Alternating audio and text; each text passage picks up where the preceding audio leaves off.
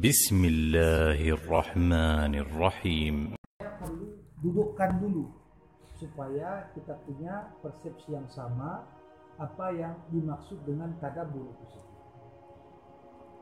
Kata tadabur diambil dari akar kata dubur. Dubur apa? Dalam bahasa Indonesia dubur tuh bopong. Ya. Eh, mohon maaf pantat. Ya. Pantat itu apa? Bagian belakang. Jadi tadabur adalah melihat akhir dan tujuan akhir dari pesan Allah di ayat tersebut. Ya. Jadi eh, tadabur ini tidak sama dengan terjemah. Tadabur juga tidak sama dengan tafsir. Kalau dari tafsir bisa lahir buahnya itu adalah hukum. Ini halal, ini haram. Ya. Maka kalau tadabur ini nggak melahirkan yang demikian. Kalau tafsir ini sifatnya general, ya artinya konteksnya umat manusia di satu zaman. Karena tiap zaman juga membutuhkan tafsir yang sesuai dengan konteks zaman tersebut. Tapi kalau tadabur ini konteksnya lebih banyak kepada pribadi orang per orang.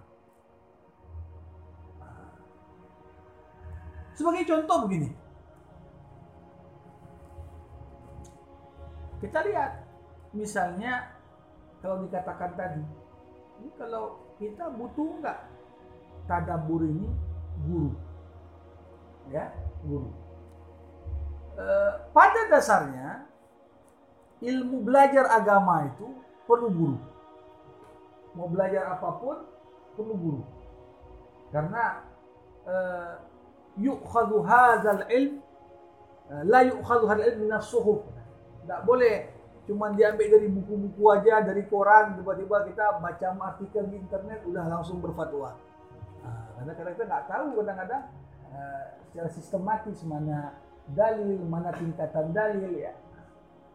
Namun dalam konteks ini betul tadabur kalau ingin dikaitkan dengan tafsir dan secara mendalam tentu saja itu membutuhkan guru. Tapi kalau sekedar untuk menjadi bahan renungan dan cermin terhadap apa yang kita uh, jalani dari kehidupan, ya tidak perlu se uh, kita katakan sesulit itu untuk bertadabbur. Misalnya begini, uh, kalau orang baca surah Al-Lahab, dia ambil Quran, baca terjemahannya, tabat yada abi lahabi wa ya dia baca celakalah Abu Lahab ma aghna anhu maluhu wa ma kasab hartanya anaknya semuanya nggak bisa membantu dia apa pun di akhirat kelak coba kita kemudian ayat yang seperti ini kita tanyakan pada diri kita. Eh, kenapa Abu Lahab itu anaknya hartanya nggak bisa uh, menolong dia di akhirat? Apa rupanya yang dibuat Abu Lahab dengan harta dan anaknya? Kita lihat pada diri kita, kira-kira apa yang sudah aku buat terhadap hartaku dan anakku. Kalau yang seperti ini saya kira nggak mesti harus, artinya kita sekarang alhamdulillah Quran itu teksnya sudah diterjemahkan ke dalam banyak sekali bahasa Nah, yang saya masukkan tadabur dalam konteks tazkiyatun nafs ini kita fokus tadi saya katakan ada buku tipologi manusia dalam 30 juz Quran. Ragam manusia ini juga ada. Nah, kita ketika baca ayat, baca tentang sifat orang-orang mukmin. Pertanyaan paling simpel saja. Apakah sifat ini sudah ada nggak sama saya? Kira-kira ini kan tidak mesti harus oh, artinya ilmu bahasa Arab tinggi dan sebagainya. Itu hal yang paling dasar sekali. Nah, tetapi sekali lagi, baik tafsir maupun tadabur ini semakin kemampuan seseorang itu eh, penguasaan bahasa Arabnya tinggi maka semakin dalam juga makna yang bisa digali semakin ilmu agamanya itu apa besar nah, luas makin dalam juga pemaknaan tadabur yang dia. Jadi macam kue lapis juga. Ada yang cuma lapisan pertama, ada yang bisa lapis terakhir. Nah, begitu dia. Jadi dalam konteks ini sekali lagi kalau dikaitkan dengan pertanyaan tadi bisa tidak tanpa guru bisa bisa uh, dalam batasan tadabur yang sederhana minimal apa tadabur semua pertanyaan Allah dalam Quran jawab. Jawab. Saya sampaikan pernah di majelis ini ayat yang mengandung pertanyaan dalam Al-Quran tidak kurang dari 1200 ayat. Kalau 6236 ayat itu dalam Al-Quran. Kalau kita anggap Quran itu yang biasa itu 600 halaman kurang lebih. Ya. Kalau 1200 ayat artinya tiap halaman itu ada dua pertanyaan Allah. Baca saja, jawab pertanyaan. Alaihissallahu bi ahkamil hakimin. Bukankah Allah sebaik-baiknya yang membuat hukum? Jawab itu. Baca ayat ini, tiap hari kita baca ayat ini, tapi kita nggak berinteraksi dengan ayat. Nah, jadi ini yang menjadi problem. Kita nggak sampai cerita tentang dalam-dalam enggak. Karena dengan kita ajukan pertanyaan, Allah ajukan pertanyaan, kita jawab. Itu saja sudah banyak mengikis nanti kita. Kita bandingkan sifat korun, sifat ini, sifat itu. Ini saya tidak langsung menyentil kita. Ada nggak sifat-sifat orang itu sama dirinya? Ya. Iya, kembali kepada diri kita. Maka itu makna tadabur saya katakan tadi. Kalau tafsir lebih banyak general, umum. Tapi tadabur kaitkan sama uh, konteks kita. Nah, jangan lempar ke yang lain.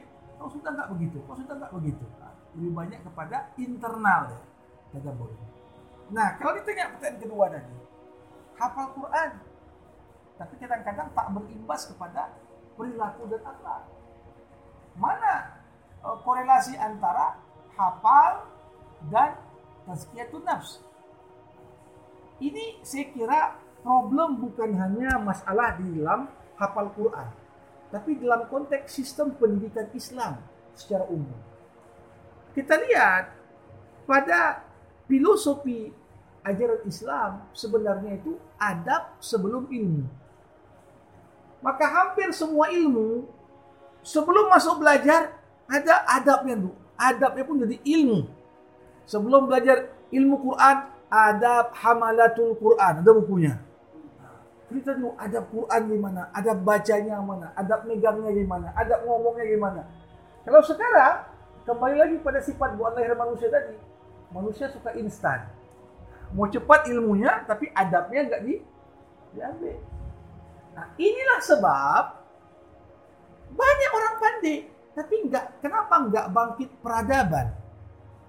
Karena ad, eh, peradaban itu bukan semata-mata karena ilmu, tapi harus ada adat dulu. Bahkan kata peradaban diambil dari kata adab.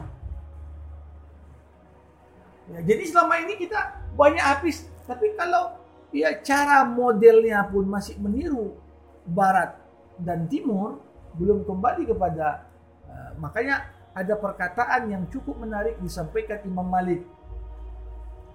Lan yasluh amru hadhil ummah illa bima saluha bihi awwaluha.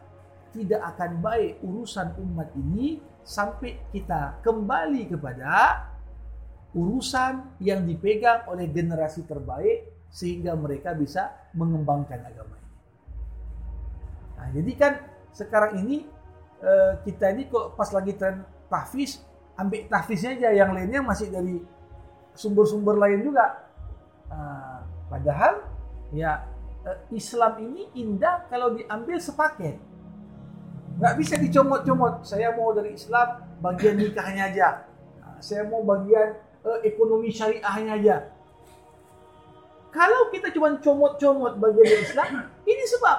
Loh kok udah berapa tahun kok nggak maju-maju ekonomi syariah. Karena mau dicomot-comot tadi. Satu sisi dia pakai nama syariah, tapi banyak juga masih dipengaruhi nilai bukan dari syariah. Nah, jadi eh, kembali kepada tadi, dari mana? Ya, idealnya orang yang menghafal Quran terlebih dahulu sudah beradab dengan Quran. Sudah beradab dengan Quran. Sudah dia betul-betul uh, baik uh, adabnya.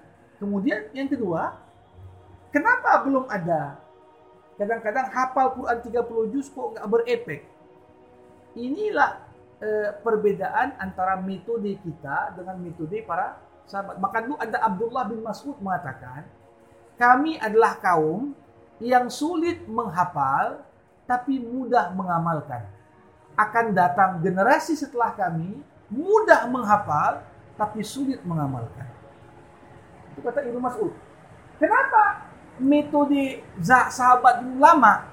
Karena Nabi nggak mau nambah hafalan sampai diamalkan dulu. Nabi bagi ayat 5. Udah kau amalkan, tambah lagi. 5. Udah hafalkan, tambah lagi. Maka dikatakan Umar bin Khattab hafal surah Al-Baqarah 10 tahun. Kalau tanya sama anak-anak sekarang yang hafal Quran, berapa apa? Oh, hanya hitungan berapa minggu, ah, berapa hari dia pun hafal dia Baqarah. Tapi Umar, apakah Umar, padahal Umar adalah seorang Arab yang tahu, tapi dia merasa tanggung jawab. Ku hafal nanti, ku amalkan gimana? Nah, ini sekarang ya tidak nampak di situ. Maka dulu ada wisuda tahfiz muallimin Unifa, saya diminta orasi ilmiah.